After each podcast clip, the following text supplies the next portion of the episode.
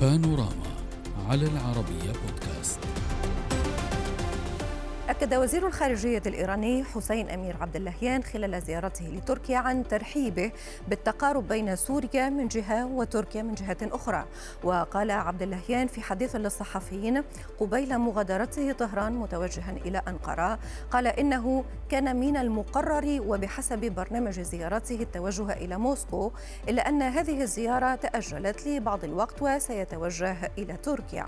ويرى المراقبون أن هدف إيران من زيارة وزير خارجيتها لتركيا هو تقديم رسالة مبطنة لروسيا التي تسعى لتحقيق مصالحة تركية سورية لتجاهلها طهران وإبعادها وتحجيم دورها وموقعها عن هذا الحدث. في حين يرى البعض الآخر أن طهران اليوم باتت قلقة من هذا التقارب بالواسطة الروسية. في خطوة يمكن أن تزيد من نفوذ موسكو على حساب نفوذها هي في دول جوارها وهذا ما لا تريده طهران. نناقش هذا الموضوع مع ضيوفنا من لندن عارف نصر الباحث في الشأن الإيراني ومن موسكو بسام البني الكاتب السياسي. أهلا بكما ضيفاي واسمح لي أن أبدأ من لندن معك أستاذ عارف. حتى نأخذ بداية قراءة للجانب الإيراني أو كيف تفكر إيران؟ البعض يقول بأن الرياح جرت بما لا تشتهي طهران. فتم استثناؤها من لقاء موسكو ما أربكها وأربك حساباتها الحالية كيف ترى الموضوع؟ آه، فيما يتعلق بالدور آه، الإيراني أو النظرة الإيرانية إلى التغارب التركي السوري فيما يبدو بأن هنالك ثلاثة خطوط آه، عريضة الجانب الأول ربما يتعلق بالرؤية الإيرانية الاستراتيجية للخطة اسرائيليا بمعنى أن الخطة باء إسرائيليا إذا ما أرادت أن تنفذ عمليات فإنها تعتمد على تحييد سوريا.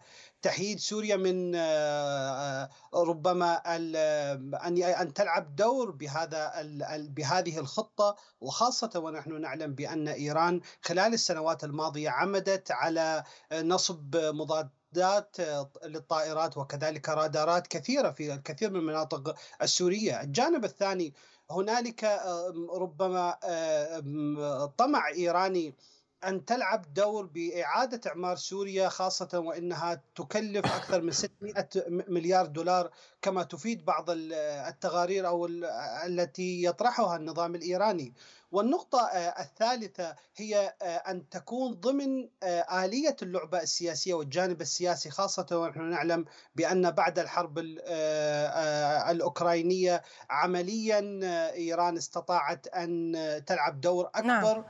هذا ما لم يرده الجانب الروسي لذلك تم إبعاد فيما يبدو إيران من هذا الدور وهذا ما لا يريده الجانب الإيراني. أستاذ بسام ما رأيك؟ لأن البعض كذلك يرى في أننا أمام تشوش علاقة بين حليفين، إيران اليوم تزود موسكو بالطائرات المسيرة وقد تعرض إيران لمزيد من العقوبات والمزيد من تورطها في هذه الحرب. فلماذا موسكو عمدت إلى استثناء إيران من هذه اللقاءات؟ اولا يعني في ظل التنافس على النفوذ في سوريا بين إيران وسوريا وروسيا وتركيا هناك أيضا التنسيق بين الضامنين الثلاثه لمسار استنا ولا أعتقد أن روسيا استبعدت إيران لأن روسيا اليوم مصلحة في إيران عن طريق عن من, من بسبب الطريق الذي تفتحه روسيا من آه، روسيا إلى الهند عن طريق بحر قزوين وإيران. هذه نقطة، النقطة الأخرى هناك التعاون العسكري التقني بين إيران وروسيا، أضف إلى ذلك أن إيران ترحب كما قال ضيفكم الكريم بهذا التقارب آه، من بين دمشق وأنقرة لأن التوافق بين دمشق وأنقرة يعني فك الحصار الاقتصادي عن دمشق وبالتالي تحسين الوضع المعيشي للمواطنين مما يساهم في تنفيذ حل سياسي يؤدي في نهاية المطاف إلى إرجاع جزء أو لم نقل يعني كل اللاجئين فبالتأكيد جزء من اللاجئين السوريين في تركيا. الأمر الذي يساعد أردوغان في الانتخابات القادمة ما يعني أننا أمام عملية إعادة توزيع للأدوار وضبط للساعات حول ما يجري بين دمشق وأنقرة. لا أعتقد أن أي خلاف موجود بين إيران وروسيا ولا بين إيران وسوريا بش... و... وتركيا بشأن سوريا. الخلافات قد. يعني قد تكون نحو المصالح يعني هناك ممكن يكون مصالح مشتركة نعم الدول ليست جمعيات خيرية وإيران في سوريا ليس لعيون السوريين ولا على سواد عيونهم وتركيا أيضا ليس على سواد عيون السوريين ولا حتى روسيا دعيني أضيف ولكن هناك مصالح دولية ولكن أنا ألاحظ أن المصالح اليوم تصب في مصلحة آه، آه، الأطراف يعني بين إيران وروسيا هناك مصالح وبين تركيا وروسيا هناك مصالح وهذه المصالح تفوق عن التنافس الذي يحدث في سوريا. ولكن هذه المصالح قد تشكل عبئا كذلك أو قد تخلط الأمور آه، أستاذ بسام. يعني حتى وإن كانت الواجهة بكل تدل تأكيد. على أن العلاقات تمشي بطريقة عادية. ولكن الشيطان يكمن في التفاصيل. وهنا سؤال سيد عارف. تقول منذ قليل بأن الساحة الروسية قد تكون محط مشاكل للجهتين بأن موسكو لا تود أن ترى توسعا للنفوذ الإيراني في الداخل السوري. ولكن ما الذي يمكن أن تقدمه موسكو؟ أو ما الإجراءات التي يمكن أن تطرحها وقف تمدد إيران في سوريا. الواقع هنالك الكثير من السؤال النقاط. سأعود لك أستاذ بسام سؤال سيد عارف تفضل. آه يعني النقطة الأساسية التي يمكن أن نقف عندها هي تكمن بالنظرة الروسية إلى إيران. عمليا أنا أعتقد بأن لا يوجد آه، نظرة آه، إلى أن إيران هي حليف استراتيجي إلى الجانب الروسي. هنالك ممكن اعتبار أن الجانب الروسي يرى بإيران نصف حليف إن صح التعبير. وبل في أحيان كثيرة وخاصة في قضية آه، استخدام المسيرات الإيرانية هنالك حتى عملية توريط ونحن عمليا بالملف النووي الإيراني نتذكر آه، بأن كيف الجانب الروسي ربما آه، بمرات كثيرة أعاق عملية الوصول إلى اتفاق نووي بعدما كان العالم يترقب خلال أيام أن أن يتم الاتفاق، لذلك فيما يبدو بأن النظرة الروسية لإيران هي نظرة لا تكمن ليست آه، إيجابية بكل الأحوال ويمكن اعتبارها ورقة آه، لصالح مصالحها وبكل الأحوال المصالح التي تكمن أيضا بين روس روسيا والجانب الإسرائيلي أقوى بكثير من ال...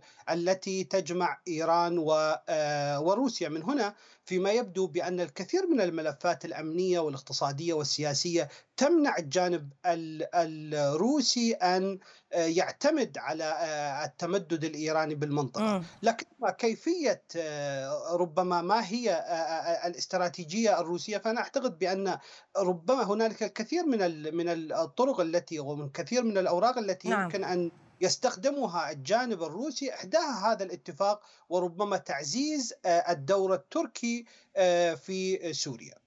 ولكن من النقاط الأخرى أستاذ بسام وهنا سؤال حضرتك آه، ليست تفاصيل آه، العلاقة, العلاقة المتوترة لم يعرفها البعض فقط بالاستناد على ما يحصل في سوريا آه، على الساحة السورية ولكن كذلك على تصريحات إيران التي تحدثت فيها بطريقة هجومية على تركيا آه، تقول بأن تركيا تحاول التشويش على حدودها التي القريبة من دول القوقاز. وبالتالي هذا كذلك موضوع مطروح وفي إدماج تركيا في حوارات قرارات ثلاثية قد لا يرضي إيران كذلك هذا الموضوع. يعني بكل تأكيد هناك خلافات أيضا بين روسيا وبين إيران من جهة وبين روسيا وبين تركيا من جهة أخرى حول تمدد التركي على سبيل المثال في منطقة القوقاز وما يسمى العالم التركي. وهناك خلافات بين روسيا وإيران بما تقوم به من أعمال لا تعجب روسيا. أضف إلى ذلك روسيا لا تنسى يعني أنه عندما حصل الاتفاق النووي بين إيران والإدارة الأمريكية أول ما تضررت هي الشركات الروسية وقد تم طرد شركات النفط الروسية من إيران عندها. ولكن اليوم الوضع تغير. اليوم إيران وروسيا في خندق واحد تجاه العقوبات الغربية التي تقام من طرف واحد. ولهذا السبب نجد أن إيران هي شريك مرحلي اليوم لروسيا حسب وجهة نظري أنا. هو شريك مرحلي من أجل مرحلة ما لأن روسيا اليوم في حالة اشتباك مع الغرب عسكريا على الأراضي الأوكرانية. فليس من مصلحة روسيا أن تشتعل آه، جبهات أخرى قد تضطر للدخول في صراعات أخرى عسكرية تستنزفها أيضا. لذلك روسيا تعمل على موازنة الأمور بين الشركاء والحلفاء والذين يعني لا ينضمون إلى العقوبات على أقل تقدير التي تفرضها الغرب على روسيا. لهذا السبب نجد هذا التنسيق بين تركيا وروسيا وإيران على قدم وساق وخاصة بأنهم كانوا لهم تجربة ناجحة فيما يسمى مسار أستنا في دمشق. حول حول سوريا. يعني هذا هذه النقاط كلها يجب أخذها في عين الاعتبار. أضف إلى ذلك كما قلت لك في مداخلتي الأولى نعم. هناك الخط الذي يوصل بين روسيا والهند عن طريق بحر قزوين وإيران وهناك تحويل تركيا إلى مركز لتوزيع الغاز. هذا يعني أنهم يعني سواء تركيا أو روسيا هما عبارة عن رئة لروسيا اليوم في ظل الحصار الذي يحاول فرضه الغرب عليها. هذه الأسباب كلها تؤدي بالتالي إلى أن روسيا لا تريد لا استفزاز إيران ولا استفزاز تركيا في ذات الوقت. وكما هم يعني روسيا بحاجة هاتان الدولتان أيضا هاتان الدولتان بحاجة روسيا بشكل كبير للغاية. فتركيا لديها أزمة اقتصادية ولديها أزمة انتخابات قادمة معركة بين أردوغان والمعارضة. وإيران أيضا لديها مظاهرات تقوم يقوم بها الأكراد ال ال ال الإيرانيون أضف إلى ذلك أنها محاصرة أيضا من قبل الغرب. هذا يضعنا أمام مشهد مثالي من أجل إيجاد حلول الوسط بين الإخوة الأعداء إن صح التعبير. تجده مشهد إيجابي كما يراه ضيفي أستاذ عارف، هل ترى بأن كل هذه الأطراف ستسعى لتصفير مشاكلها في المنطقة أو لا؟ أو هناك أولويات قد تضع على الطاولة ملفات شائكة في الواقع قادرة أن تشوش على هذه العلاقات الثنائية؟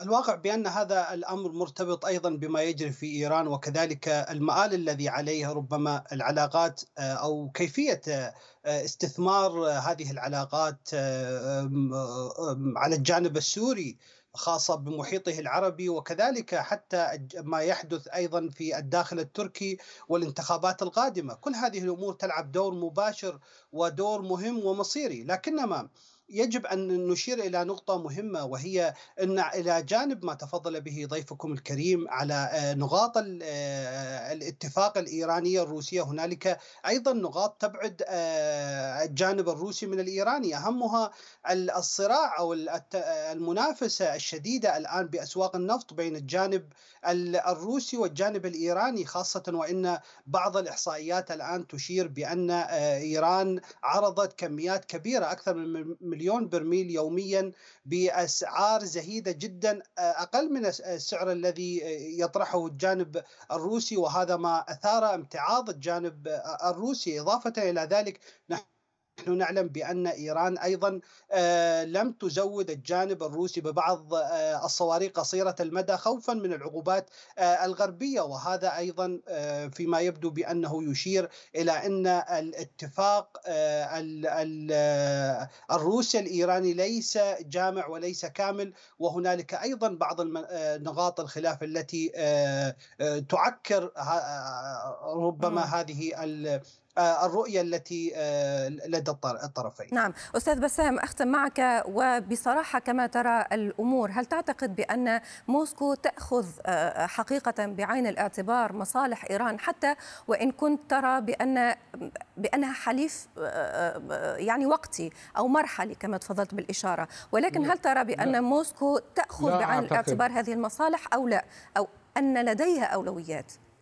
إذا إذا ما نظرنا بالسبب الرئيسي حول الحرب في سوريا والتدخل الإيراني والتدخل التركي والتدخل الروسي نجد هو خط الغاز الذي كان من المفروض أن ينتقل من الحقل الشمالي للغاز الذي تستحق تستطيع إيران وقطر الاستهلاك منه.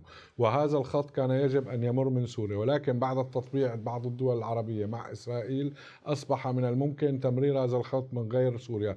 لهذا نجد أن تركيا اليوم تتقرب من دمشق دمشق من أجل أن لا تمر هذا الخط من إسرائيل وبالتالي قد تكون إيران قد يعني ارتفعت حساسيتها زيادة عن اللزوم من التقارب بين دمشق وتركيا ولكن روسيا ليس من مصلحتها. هذا رأيي الشخصي نعم. بمرور هذا الخط. لا من لا عبر لا لإيران ولا لقطر ولا لأي دولة أخرى لأنه يضر بمصالحها نعم. في نهاية الأمر.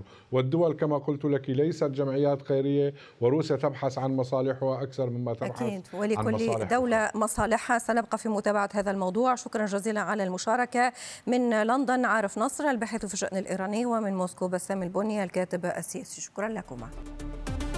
بانوراما على العربية بودكاست.